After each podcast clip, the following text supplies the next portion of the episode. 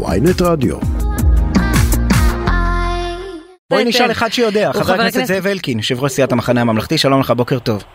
שלום, בוקר טוב. איך הנס הזה קורה, שיוצאות uh, הקלטות סתר מישיבות סגורות כביכול? לצערי זה תרבות שהולכת ומתפתחת, אגב, זה לא היה ככה בעבר בישיבות סיעה של סיעות שונות, uh, ברוך השם לא קורה בסיעת המחנה הממלכתי, אבל uh, פעם פשוט בליכוד אנשים לא פחדו להגיד את דברם גם כשהם חלקו על דעת יושב ראש באופן גלוי.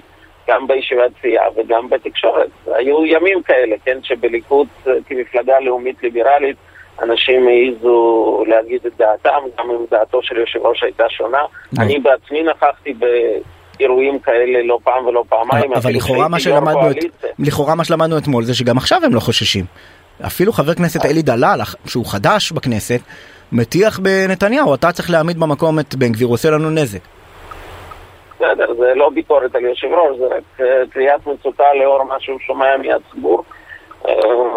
אבל בסופו של דבר, למה צריך הקלטות סתר שייצאו? כי אנשים לא מפחדים להתראיין ולהגיד את דברם.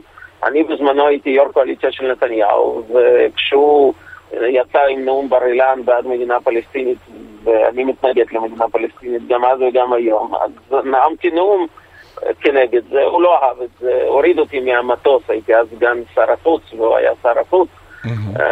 והיינו צריכים ביחד לטוס לניו יורק, אז טסתי בטיסה רגילה ולא במטוס ראש ממשלה, השמיים לא פרצו. לא. היו אירועים גם אחרים. ספציפית שאתה במטוס זה חשוב. להערכתך אתה מכיר והיית ממש שהית מקרוב באוקראינה לא מזמן עם יולי אדלשטיין. ההיעדרות שלו תמימה או שהיא קשורה בהתנגדות שלו? אני מניח, הרי הוא אמר דברים מאוד ברורים כבר לא פעם ולא פעמיים, שהוא חושב שצריכים להיכנס למסלול הידברות, וזה מה שנכון לעשות. ואני חושב שכל בר דעת שיש לו שכל מבין שזה מה שנכון גם בשביל מדינת ישראל. אגב, גם מי שמאמין בצורך ברפורמה, אני הרי שייך אה, לאלה שכבר שנים מדברים על הצורך ברפורמה משפטית, עוד כשזה היה פחות אופנתי, ורוב הח"כים בליכוד לא העזו לדבר על צורך ברפורמה משפטית. ודווקא כמי שמאמין וחושב שצריך רפורמה, ברור לי שאם יעשו אותה בצורה דורסנית כפי שעושים אותה היום, לא רק שהתוצר יהיה פגום, אלא ב... הוא גם לא יחזיק מעמד, הוא יהיה כמו מס על חד פעמי. אתה יכול, אתה יכול להסביר לי, אני, אני, אני שואל בסקרנות מלאה, כי אני כבר אמרתי את הדברים אז אין לי בעיה לחזור עליהם, אני בסך הכל תומך ברפורמה, יש לי הסתייגויות מסעיפים פה ושם, שזה כביכול גם העמדה שלך, לפי מה שאתה אומר עכשיו. אבל המפלגה שלכם וגם אתם כפוליטיקאים, משתתפים בהפגנות שאומרות לא אה, רבתי, על הרפורמה או על המגמה הזאת של אה, אה, איזון הכוח לטובת הרשות המחוקקת לא, אה, לא על פני הרשות השופטת. זה, ו... זה, בדיוק, זה בדיוק הנקודה. אה, הרי אוקיי. מה שמציעים לנו זה לא איזון הכוח. אני בעד רפורמה שהיא תביא לאיזון הכוח.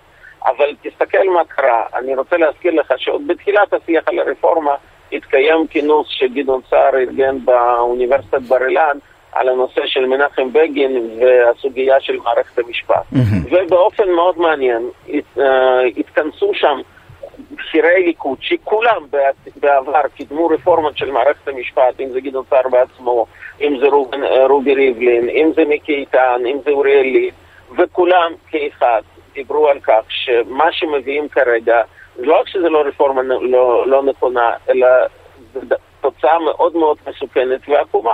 לא, מעולה, מעולה, אני מבין את האמירה הזאת, אבל, אבל לכן אני לא מבין את ההצטרפות שלכם להפגנות שהן הרבה יותר טוטליות נגד כל המגמה.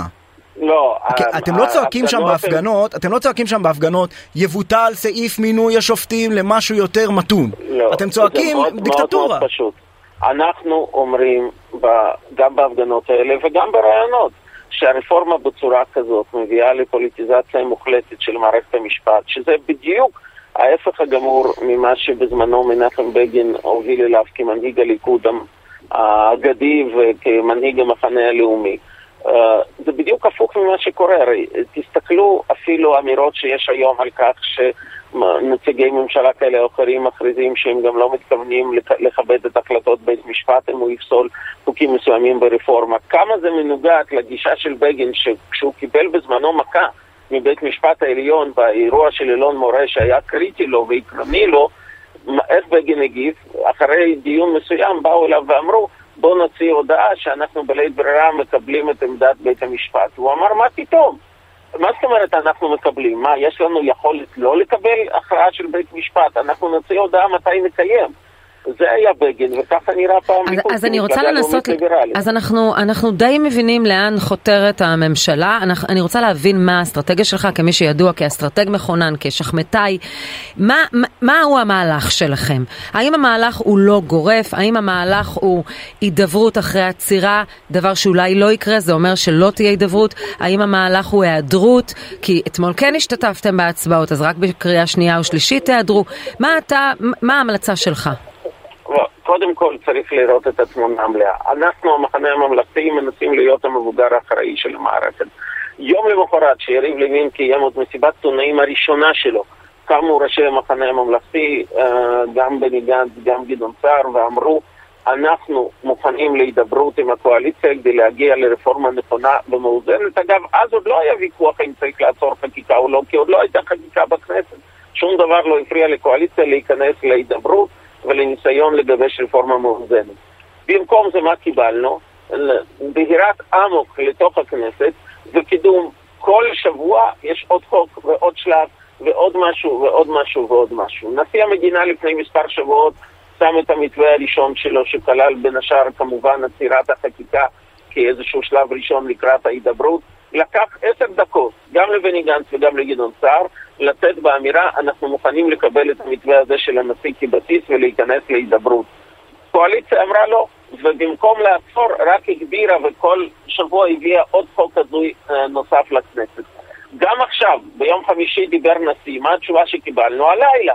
הקואליציה העבירה בקריאה ראשונה עוד שלב נוסף של הרפורמה הזאת, ועוד חוק. קריאה ראשונה של חוק הנבצרות, שהוא למעשה בין החוקים שבשבילם מתבצעת הרפורמה. זה הרי כבר מזמן לא אירוע אידיאולוגי שאפשר להתווכח עליו כן. לכאן או לשם. אבל חוק הנבצרות הוא לא בליבת הוויכוח. יש, יש, כן. ש... לא, לא, תנו לי לציין משפט. הדברים שנבחרים, משום מה מתברר שהם באים לשרת צורך אישי של מישהו.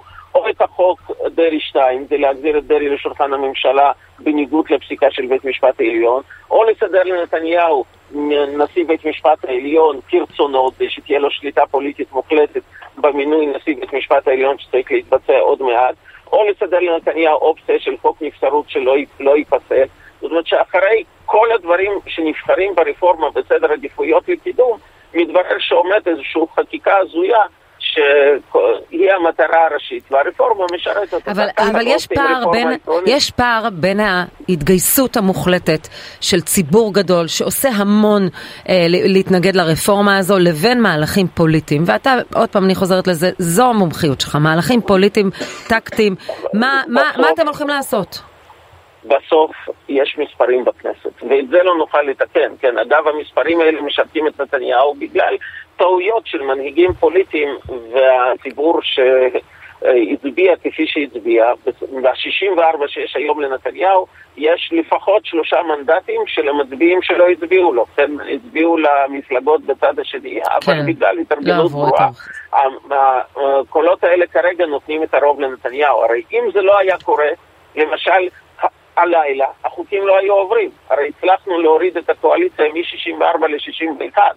עוד בן אדם אחד שהיינו מצליחים להוריד, ובסוף החוקים לא היו עוברים כי הם דרשו 61. כן, חוק יסוד. זה עבר, זה, זה עבר על הקשקש. אבל בסוף אנחנו לא יודעים לשנות את תוצאות הבחירות. יש תוצאות הבחירות, זה מה שיש בכנסת. אנחנו משתמשים בכל תרגיל פרלמנטרי אפשרי, גם כדי למשוך זמן, גם כדי להתנגד, אבל צריכים להבין את האמת. האמת היא שאם לא יקומו אנשים אמיצים בליכוד כפי ש...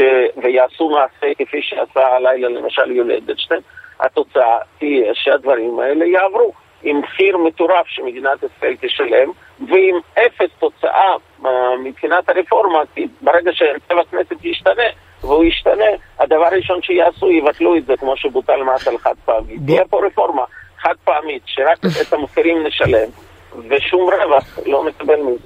יש לך איזושהי uh, מחשבות איזה שהן מחשבות מה לעשות ברגע שאחרי שהנשיא יציג את המתווה שלו?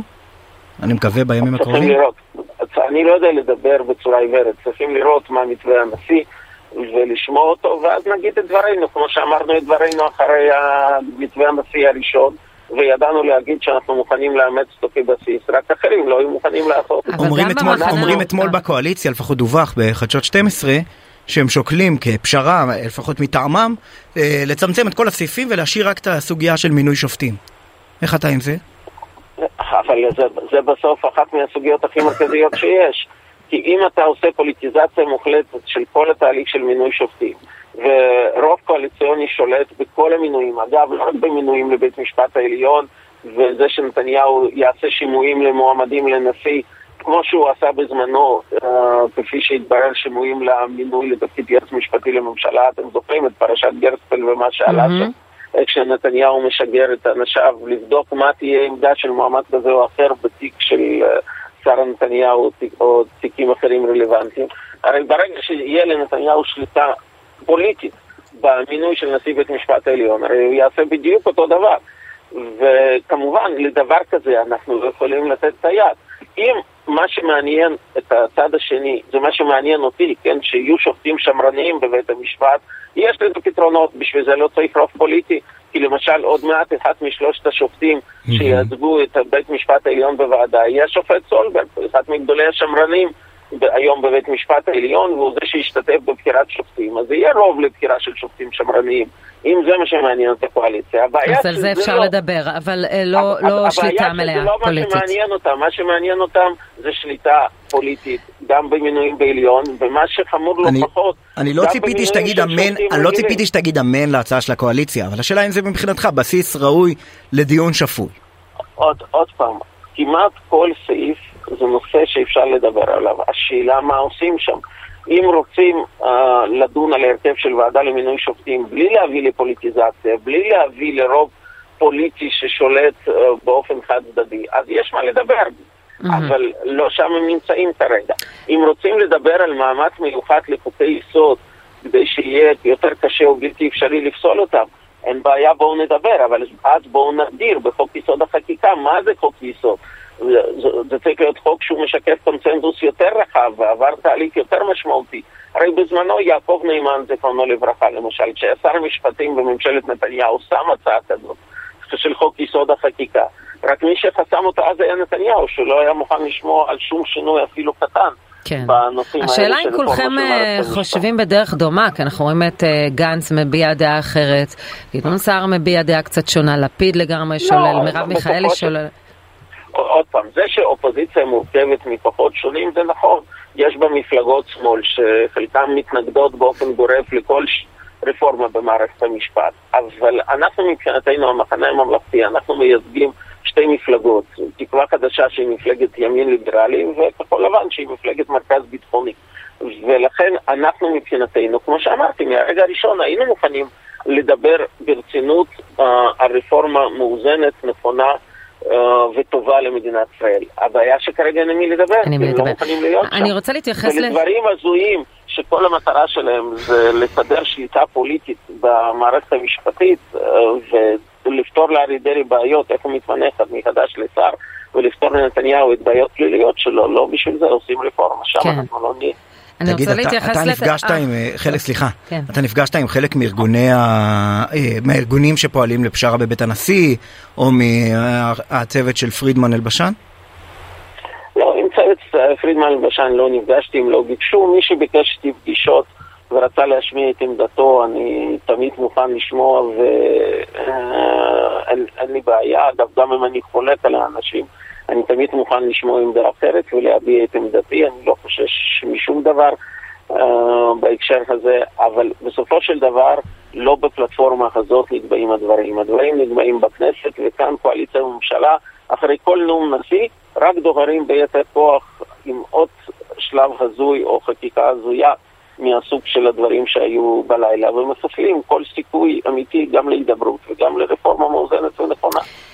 לסיום אני רוצה לשאול אותך, תפקידך הקודם אה, כשר הבינוי והשיכון הסתייעת הרבה בנתונים של הלשכה המרכזית לסטטיסטיקה, אנחנו יודעים שהמדדים המשמעותיים וכמות הדירות וכולי.